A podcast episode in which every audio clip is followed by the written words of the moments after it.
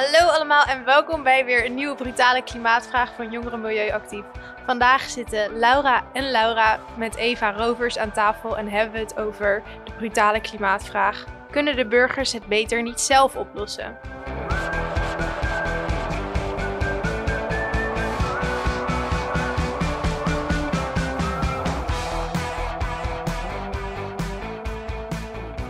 Hoi Eva, welkom. Eva is succesvol schrijfster en sinds een aantal jaar actief maatschappelijk betrokken. Eva is medeoprichter bureau Burgerberaad. En in dit onderwerp gaan we ook vandaag duiken. Om te beginnen, wat is een burgerberaad? Ja, een burgerberaad is eigenlijk een, um, een groep gewone mensen, inwoners van een land of van de stad. Um, een groep geloten mensen die zich buigt over een maatschappelijk probleem. En zij, uh, zij krijgen de, de opdracht om uh, oplossingen aan te dragen voor dat probleem. Um, en dat, uh, als het goed is, wordt dat dan ook overgenomen door de politiek. Dus het is een hele andere vorm van besluitvorming dan we gewend zijn. En waar verschilt dat vooral in dan we gewend zijn? Uh, het verschilt er vooral in dat, je, uh, dat mensen al heel vroeg betrokken worden bij bepaalde problemen en bij het nadenken over de oplossingen. Wat je nu vaak ziet is dat uh, er is een, een, onder, een, een probleem, bijvoorbeeld om maar iets kleins te noemen, de klimaatcrisis. En dan gaan politiek en beleidsmakers gaan allemaal plannen bedenken over hoe dat op te lossen. En uh, daar wordt dan wel over nagedacht, hè, van hoe kunnen we draagvlak creëren? Uh, hoe kunnen we mensen erbij betrekken?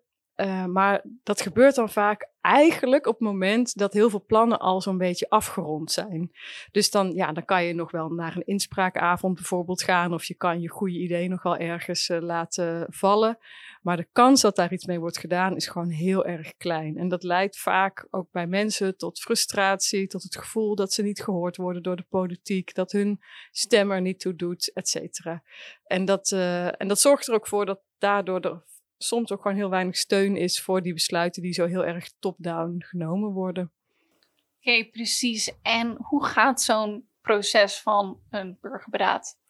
Waar begint het? Waar begint het? Nou, het begint altijd bij, bij een probleem. Dus er is een, er is een maatschappelijk probleem.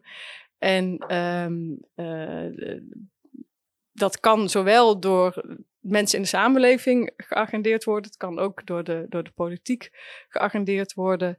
Maar er komt op een gegeven moment de vraag van hoe gaan we met dit probleem om? Hoe gaan we dit oplossen?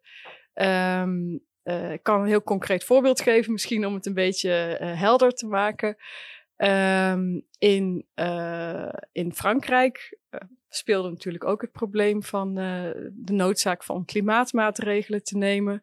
Die werden in eerste instantie door uh, Macron eigenlijk van bovenaf opgelegd. Dat had ongelooflijk veel protesten tot gevolg. De gele hesjes zal je misschien nog wel herinneren.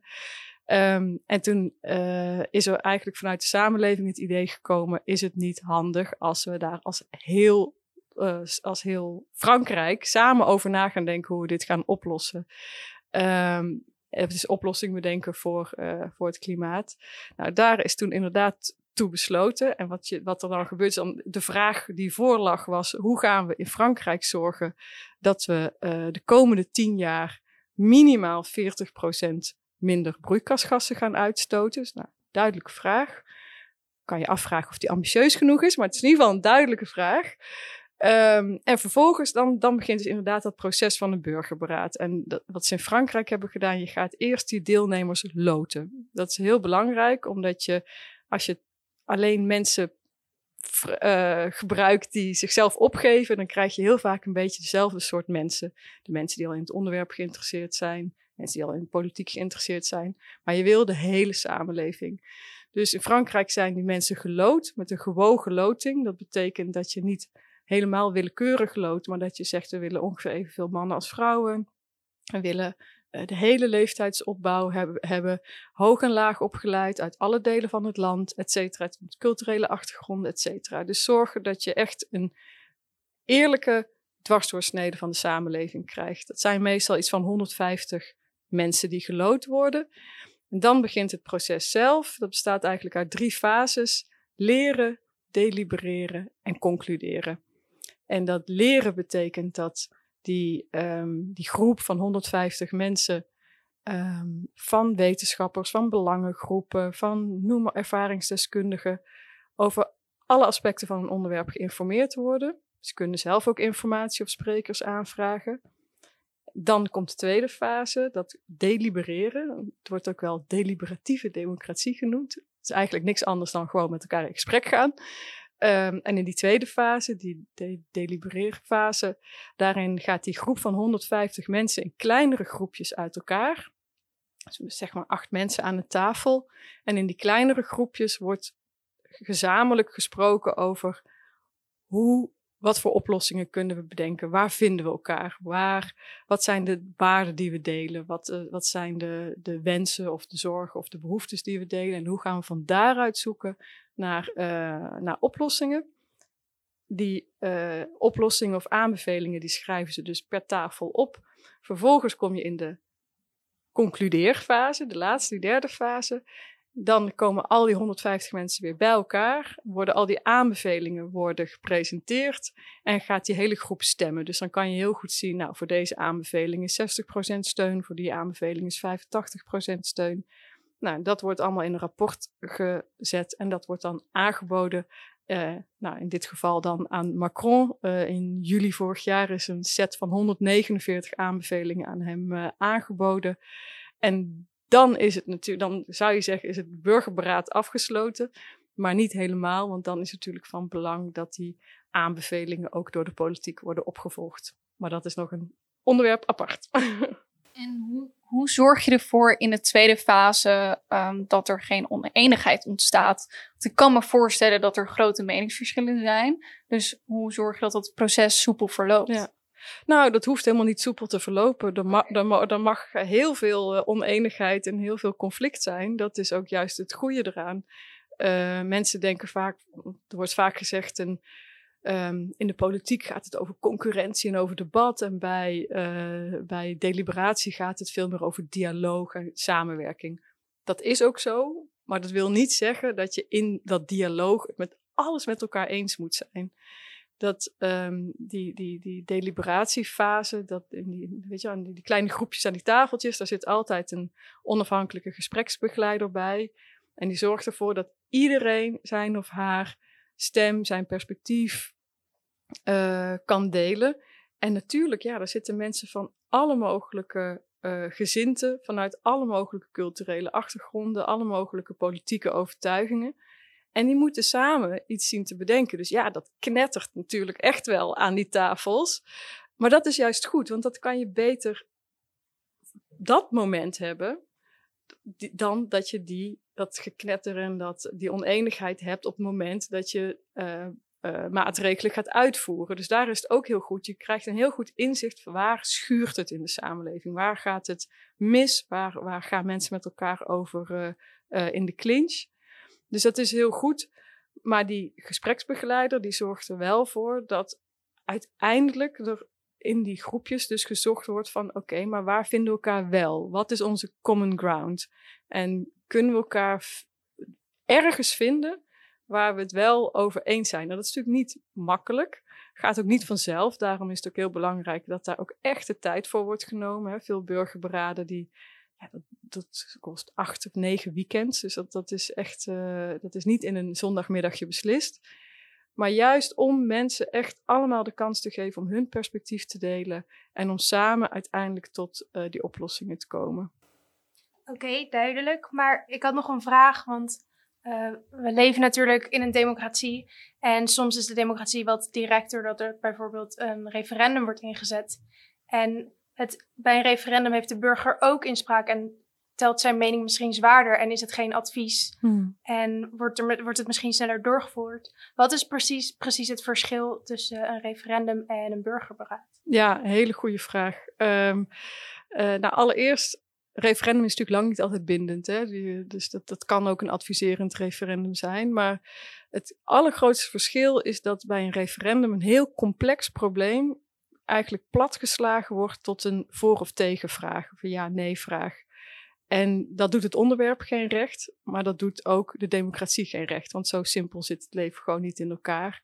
Er zijn altijd meer perspectieven dan alleen maar voor of tegen. En zeker bij die complexe onderwerpen waar referenda of burgerberaden over georganiseerd worden, die moet je ook in, hun, in al hun facetten kunnen beoordelen. En over al die facetten uh, moet je iets kunnen zeggen, of moet je ook kunnen meepraten. Dus dat is al een groot verschil.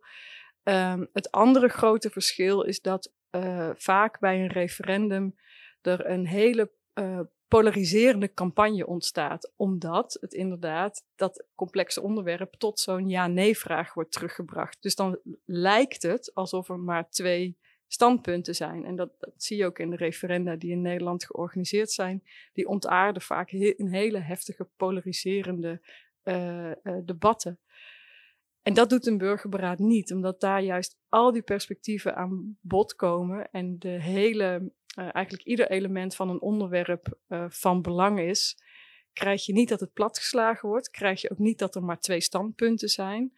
Um, en krijg je ook dat mensen van alle kanten geïnformeerd worden. En niet alleen maar voor of tegen, wat je met referenda heel vaak ziet. Dus mensen zijn beter geïnformeerd, uh, hebben de ruimte om over alle aspecten van een onderwerp mee te praten. En dat, uh, ja, dat zorgt niet alleen voor een veel bruikbaardere uitkomst. Het zorgt er ook gewoon voor dat er, dat niet, dat er niet heel veel verdeeldheid ontstaat, maar dat het juist verbindt. Oké, en um, daarnaast is bijvoorbeeld bij een referendum is de opkomst vaak heel erg laag.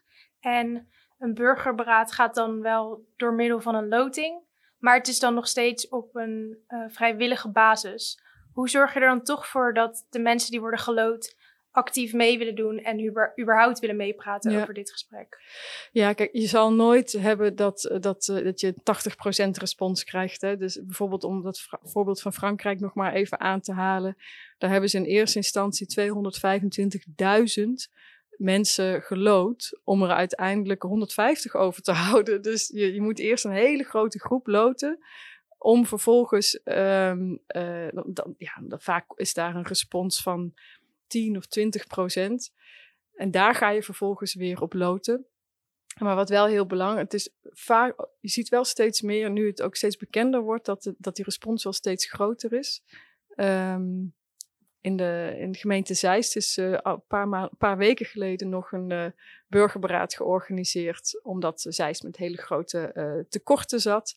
En toen heeft de burgemeester gedacht, nou, dat ga ik eens niet door de gemeenteraad laten oplossen. Ik wil gewoon dat met alle Zeistenaren praten over hoe we deze tekorten gaan oplossen. En die heeft de burgerberaad uitgeschreven. En ze waren echt verrast door de hoeveelheid mensen die echt half zeist wilden meedoen. Dus je merkt wel dat er steeds, nu het steeds bekender wordt, dat steeds meer mensen uh, er ook aan willen deelnemen. Maar wat wel heel belangrijk is als je die loting doet, is dat je mensen niet gewoon een mailtje stuurt en zegt je bent uh, ingelood.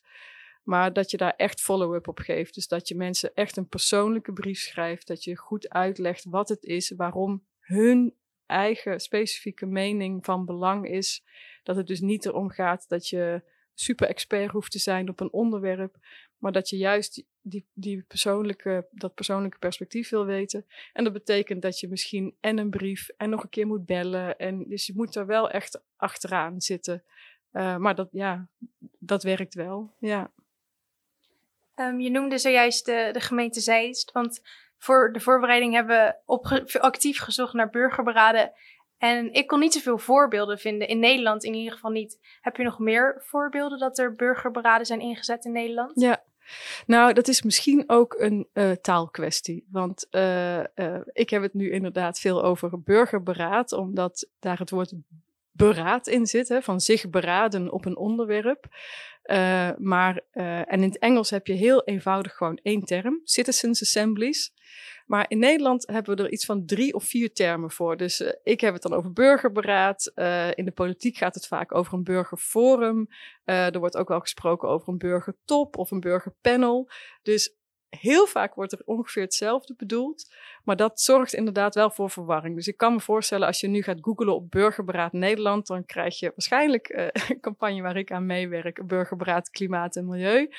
Um, maar er zijn er echt al heel veel, hebben er in ieder geval op lokaal niveau plaatsgevonden. Er is in uh, Uh, Amersfoort is er een uh, burgerberaad geweest. In Enschede bijvoorbeeld over, over het afsteken van vuurwerk. Wat natuurlijk in een stad als Enschede een heel extra heikel onderwerp is. Um, in Groningen, in Friesland. Het gebeurt wel. Het gebeurt op, op, op gemeentelijk niveau en op provinciaal niveau. Gebeurt op regionaal niveau. Vinden ze wel plaats. Maar het is inderdaad opvallend dat, um, en dat is denk ik al toch al wel een jaar of zeven. Maar het is inderdaad opvallend dat het weinig in de, uh, in de publiciteit komt. En misschien juist wel, omdat het. Uh, er is weinig conflict. Er komen gewoon vaak. Het is, het is in die zin. Het is niet sensationeel. Je hebt gewoon heel veel uh, inwoners die bij elkaar zitten. En op een hele constructieve manier tot goede oplossingen komen. Dus ja, dat is, dat is geen. Ehm, uh, spanning en sensatie in die zin. Het is heel revolutionair en tegelijkertijd, um, omdat het dus zo constructief is, ja, is het misschien wat minder mediageniek. Dat zou kunnen. Ik vraag me dan ook af, want op gemeentelijk niveau kan het heel erg goed werken, omdat je dan tegen dingen aanloopt die je ook in het dagelijk le dagelijks leven heel erg tegenkomt. Maar stel je voor, we gaan naar meer nationaal of wereldwijd niveau en we willen dus zoiets aanpakken als klimaatverandering. Dan is dat wel lastig, omdat je dan op een probleem komt waar heel veel verschillende meningen over zijn en verschillende aanpakken, verschillende belangen. En bij zo'n gemeentelijk um, niveau lijkt het me alsof de oplossing dichterbij is. Mm. Hoe zou je dat dan aanpakken met een burgerberaad met betrekking tot klimaat, waar zoveel verschillende meningen over zijn en daar dan een oplossing voor zou willen zoeken? Nou, eigenlijk is het hoe complexer een onderwerp, hoe beter. Want inderdaad, um, uh, als het over lokale onderwerpen gaat, dan is het inderdaad, het zijn, gaat vaak over onderwerpen die mensen ook direct uh, herkennen. Hè? Dus als iets wat hen direct raakt. Ik bedoel, klimaatverandering raakt ook iedereen direct, maar dat wordt nog niet door iedereen als zodanig ervaren. En als het inderdaad gaat over het afsteken van vuurwerken, zoals in Enschede, dan, dan kan je voorstellen dat zeker in zo'n stad uh, iedereen daar wel iets over uh, te zeggen heeft en een mening over heeft. Um, en dat is voor onderwerpen als klimaat inderdaad lastiger. Um, er zijn ook, wordt bijvoorbeeld ook burgerberaden gehouden over uh, de opslag van nucleair afval of over bestuurlijke vernieuwing. Het zijn allemaal ja, vrij grote onderwerpen waarvan je inderdaad kan denken, nou, uh, misschien moet je dat maar aan specialisten overlaten of wa waarom zouden gewone mensen zich daarmee willen bemoeien. Maar juist die onderwerpen zijn zo belangrijk, omdat um, dat uiteindelijk wel onderwerpen zijn die iedereen aangaan. En waar je dus inderdaad de meest democratische beslissing over wil maken. En dat betekent dat zoveel mogelijk met de hele samenleving beslissen. Ook al heb je als individu misschien het idee dat je daar niet zoveel mee te maken hebt. Um, en door dat um, proces van met elkaar overleggen, zorg je ervoor dat, het, uh, dat die hele samenleving um, geïncludeerd wordt, dus betrokken wordt. Dus het is een heel inclusieve manier om over een onderwerp te praten. En je hoeft dus helemaal geen expert over het onderwerp te zijn. Je hoeft er ook helemaal geen specifieke mening over te hebben. Ga weer even terug naar het voorbeeld van Frankrijk om het concreet te maken. Um, uh, dat is iets wat, wat, in Frankrijk heel veel hoorden, maar ook in het Verenigd Koninkrijk, waar ook een Citizens Assembly uh, over het klimaat is geweest. In beide gevallen uh, van die 150 deelnemers hoor je heel veel mensen zeggen: Ja, klimaat, ja, goh, ja, ja. Ja, ik weet wel dat het een, een probleem is, maar ja, ach, ik ben daar niet echt in mijn dagelijkse leven heel veel mee bezig. Um, maar op het moment dat ze dus voor zo'n burgerberaad gevraagd worden en, en deelnemen, dan uh, zie je dat ze, ja, ze worden natuurlijk van alle kanten geïnformeerd. En dat mensen niet alleen besef krijgen, oh, maar dit soort onderwerpen zijn wel degelijk relevant voor mij. Um, maar sterker nog, ik ben relevant voor het onderwerp. Dus zelfs als ik er geen uitgesproken mening over heb, dan is mijn perspectief van belang om dit onderwerp op te lossen. En dat is dus iets heel anders dan eens in de vier jaar een uh, vakje rood kleuren en zeggen, nou ja, dit programma vind ik ongeveer wel oké. Uh, hier gaat het echt om, wat is jouw persoonlijke ervaring? Wat is, um, uh, wat vind jij belangrijk in het leven? Wat vind jij belangrijk voor het land? Wat vind je belangrijk voor de toekomst? Dus dat zijn hele fundamentele vragen die je niet alleen aan de politiek moet overlaten. Waar we allemaal over willen nadenken en waar we ook allemaal over willen meepraten. En wat je zowel in Frankrijk als in Groot-Brittannië zag, is dat mensen die aan zo'n burgerberaad deelnamen um, over klimaat, dat ze eigenlijk allemaal ook shocked waren door de ernst van de situatie.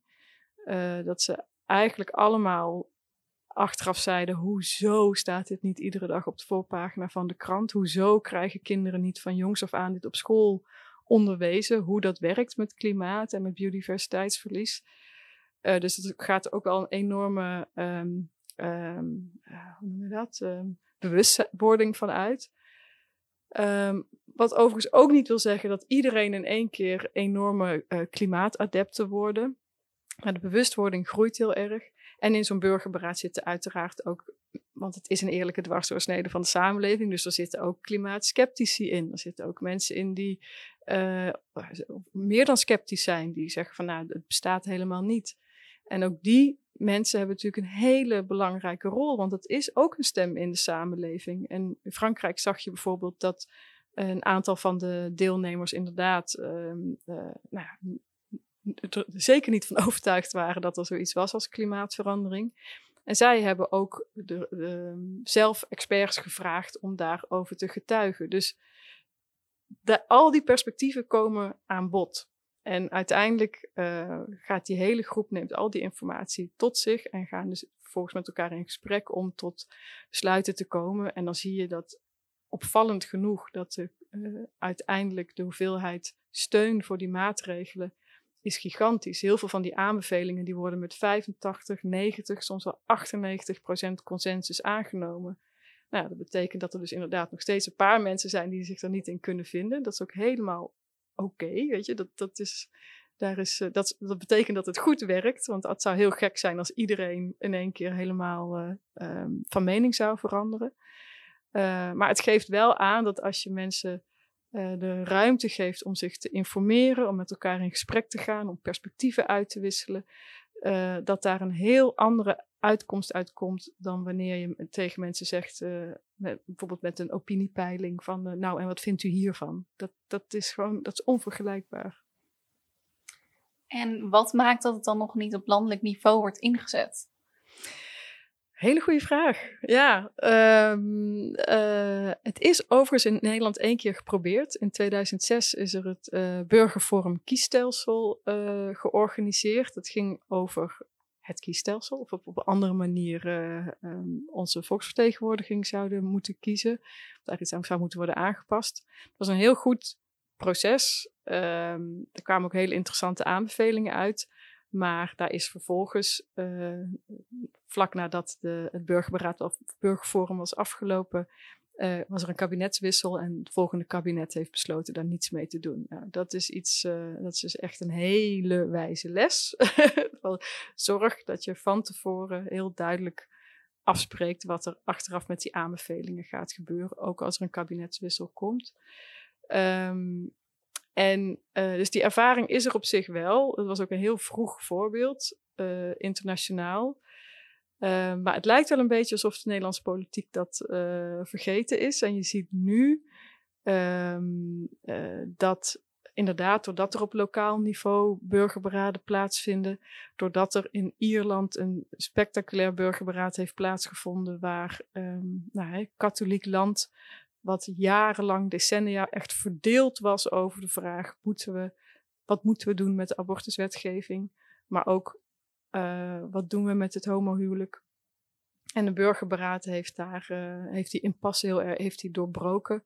Katholieke Ierland, waar dus nu abortus gelegaliseerd is, waar het homohuwelijk toegestaan is. Onderwerpen waar de politiek dus decennia niet uitkwam. Dus dat, daardoor ziet ook de Nederlandse politiek wel, nou, dus voor dat soort hele heikele onderwerpen kan je dit inzetten.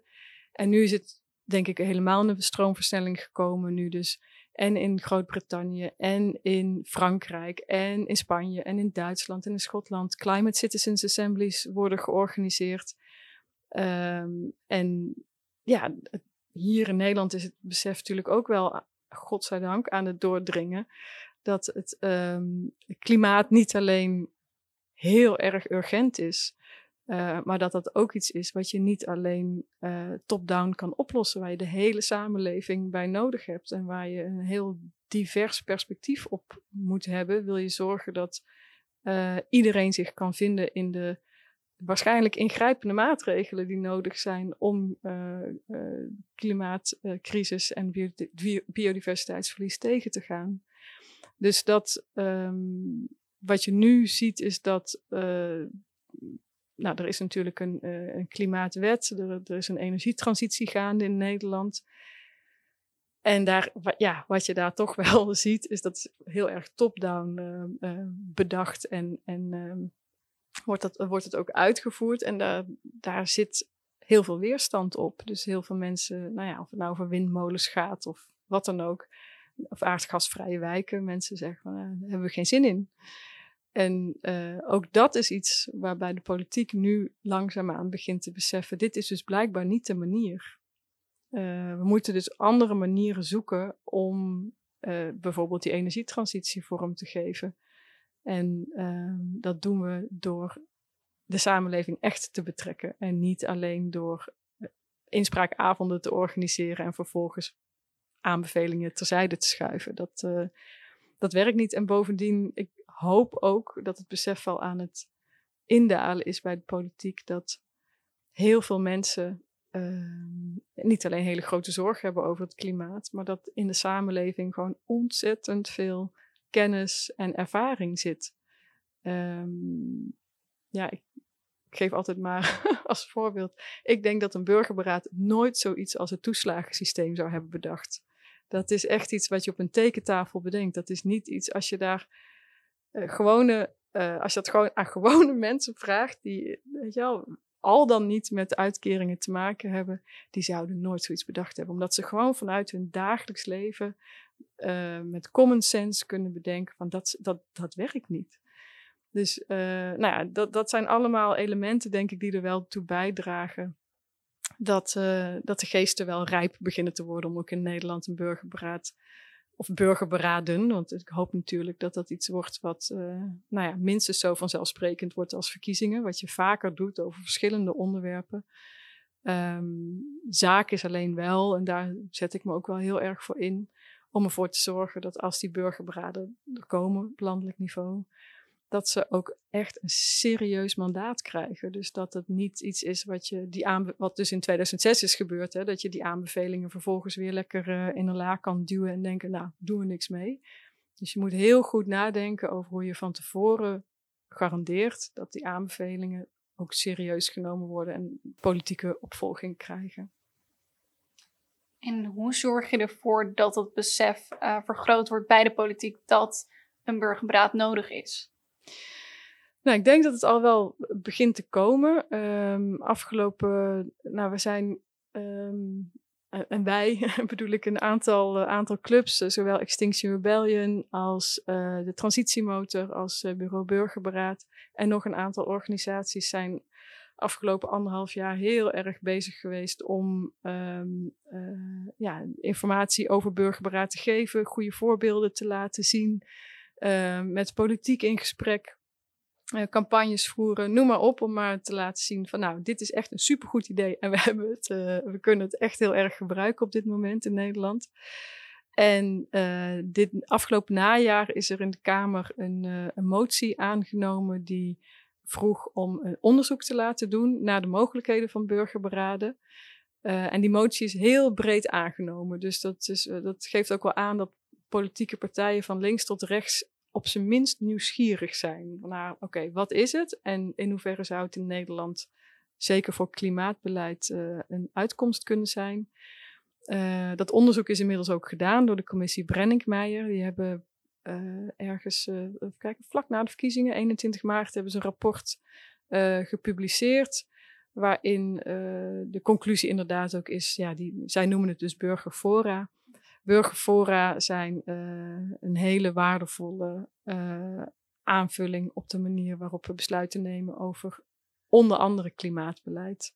Dus, um, en dat het dus heel belangrijk is om inwoners, burgers te betrekken bij het maken van klimaatbeleid. En is er ook tegengeluid voor dit idee van een burgerberaad?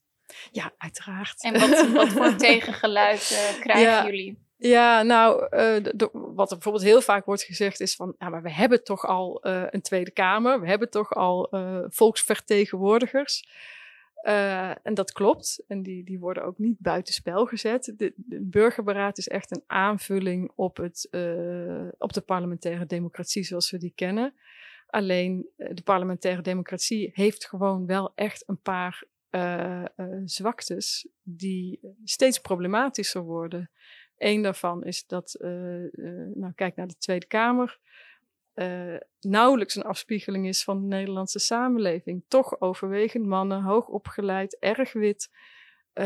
Ja, dat, dat, heel veel mensen voelen zich niet vertegenwoordigd door de volksvertegenwoordiging. Dus dat is al een probleem. Dat, maar ook um, het feit dat politici met beste intenties, maar toch vastzitten in het verkiezingssysteem. Dus ze zijn dag in, dag uit bezig om te zorgen dat ze over vier jaar weer herkozen worden. En dat betekent dat er beloftes worden gedaan die niet realistisch zijn. Dat, betekent dat er vaak ook niet heel veel verder dan die vier jaar wordt gekeken. Wat zeker met klimaat en biodiversiteit natuurlijk rampzalig is. Uh, dat ze heel bang zijn om impopulaire maatregelen te nemen. Nou, you name it. En dat zijn allemaal elementen die je met een burgerberaad tegengaat, ook niet onbelangrijk. Er is natuurlijk ook een enorme lobbykracht uh, in, uh, in Den Haag gaande. Um, uh, dus ja, politici hebben gewoon ook wel, worden gewoon erg beïnvloed door, door grote bedrijven die soms letterlijk wetteksten meeschrijven. Ja, dat, zijn, dat is niet heel erg democratisch, om het zacht te zeggen. En dat zijn dingen die je dus met een burgerberaad omzeilt. Um, en een ander punt van kritiek uh, wat wordt gegeven is, uh, uh, ja, maar dat vertraagt toch heel erg. klimaat kan, moet nu opgelost worden en de burgerberaad, dat gaat de boel vertragen. Maar ook daarvan, het tegendeel is waar. Ehm, politiek is al 40 jaar zeer op de hoogte van wat er van het fenomeen klimaatverandering. Um, weet ook zeer goed wat er nodig is om dat tegen te gaan. En komt er gewoon maar niet uit. Niet alleen in Nederland, maar wereldwijd. En dat heeft met die fenomenen te maken die ik net beschreef. Dus die verkiezingscycli, de lobby. Dat is uh, fnuikend voor goed uh, klimaatbeleid. En als je dan ziet dat in Groot-Brittannië of in Frankrijk in zes tot negen maanden een burgerberaad in staat is om met haalbare, constructieve oplossingen te komen die gedragen worden door de samenleving, dan denk ik, ja, uh, negen maanden of veertig jaar, ik vind dat best wel snel. dus misschien moeten we daar uh, even naar kijken. En bovendien, dat top-down beleid zorgt er ook voor dat er, als de, nou, de gele hesjes zijn daar een voorbeeld van, maar ook heel veel protesten in Nederland, dat het alsnog vertraagd. Misschien worden maatregelen wel snel doorgevoerd, maar alsnog wordt het vertraagd omdat er heel veel protest is en heel veel bezwaarprocedures en noem allemaal maar op. Dus om allerlei redenen, burgerberaad is eerder een versnelling dan een uh, vertraging. Ik denk wel dat als burgerberaden er eenmaal zijn, denk ik dat je het niet meer weg kan denken, denken uit een democratie. Dus dat lijkt me wel iets positiefs. Als het er is, zal het ook niet meer zo snel weggaan. Ja, dat ligt natuurlijk ook een beetje aan hoe het, uh, hoe het loopt. Want je kan, en dat vond ik wel goed in het uh, rapport van Brenningmeijer, dat er ook werd gezegd: uh, geef het tijd om het te laten ontwikkelen. Want uh, als je, wat je heel vaak ziet met democratische vernieuwing, is het wordt één keer geprobeerd en dan gaat het niet helemaal goed. Of er is daar wat kritiek en daar wat kritiek. Dus we stoppen ermee. Terwijl dit is iets, het is echt learning by doing. Dus je kan, er zijn heel veel dingen heel duidelijk over wat je wel en niet moet doen. Maar iedere situatie is anders. Dus je moet het soms inderdaad maar gewoon gaan doen en leren van je fouten en het dan nog een keer gaan doen. En dat, uh, ja, ik, ik hoop dat ze dat te harte nemen. En ik denk inderdaad dat je dan, als je dat gewoon een paar keer hebt gedaan, dan uh, weet je sowieso wat er, wat er nodig is, uh, wat er wel en niet werkt. Maar je weet ook vooral dat, er, dat de bevolking het begint te kennen en dat het ook iets is wat, um, ja, wat, wat, voor heel veel mensen een, ja, een meerwaarde is. En dan wordt het vanzelfsprekend inderdaad. Maar dat zal niet vanaf het eerste burgerberaad het geval zijn, denk ik. Nee. Oké. duidelijk. Eh, wij zijn om. Maar Eva, je vertelde dat de motie is aangenomen. Ja. Hoe zit het nu verder en wanneer kunnen wij een burgerberaad eh, gaan tegenkomen zelf? Ja. Of moeten we een petitie ondertekenen? Hoe, hoe zit het proces in elkaar? Ja, we zitten nu eh, in een, eh, in een soort vacuüm natuurlijk met, eh, met de regeringsformatie. Ehm, dus, of in een vacuüm, maar in ieder geval in een soort luwte. Ehm, eh, ja, het zou ontzettend goed zijn als in het regeerakkoord gezegd wordt dat er een burgerberaad klimaat en milieu opgezet zal worden.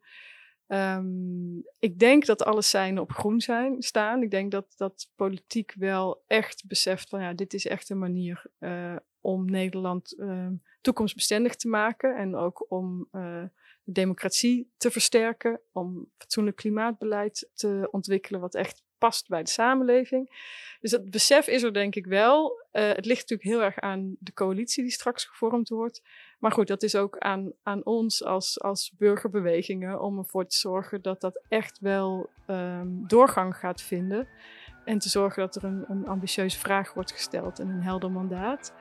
Eh, als je daaraan wilt bijdragen, dan zou ik zeggen: ga naar burgerberaadklimaat.nu. Eh, daar kan je een petitie tekenen om inderdaad eh, een, een burgerberaad klimaat en milieu eh, te realiseren. Dus burgerberaadklimaat.nu. Super, dan wil ik je heel erg bedanken voor dit gesprek. Heel graag gedaan.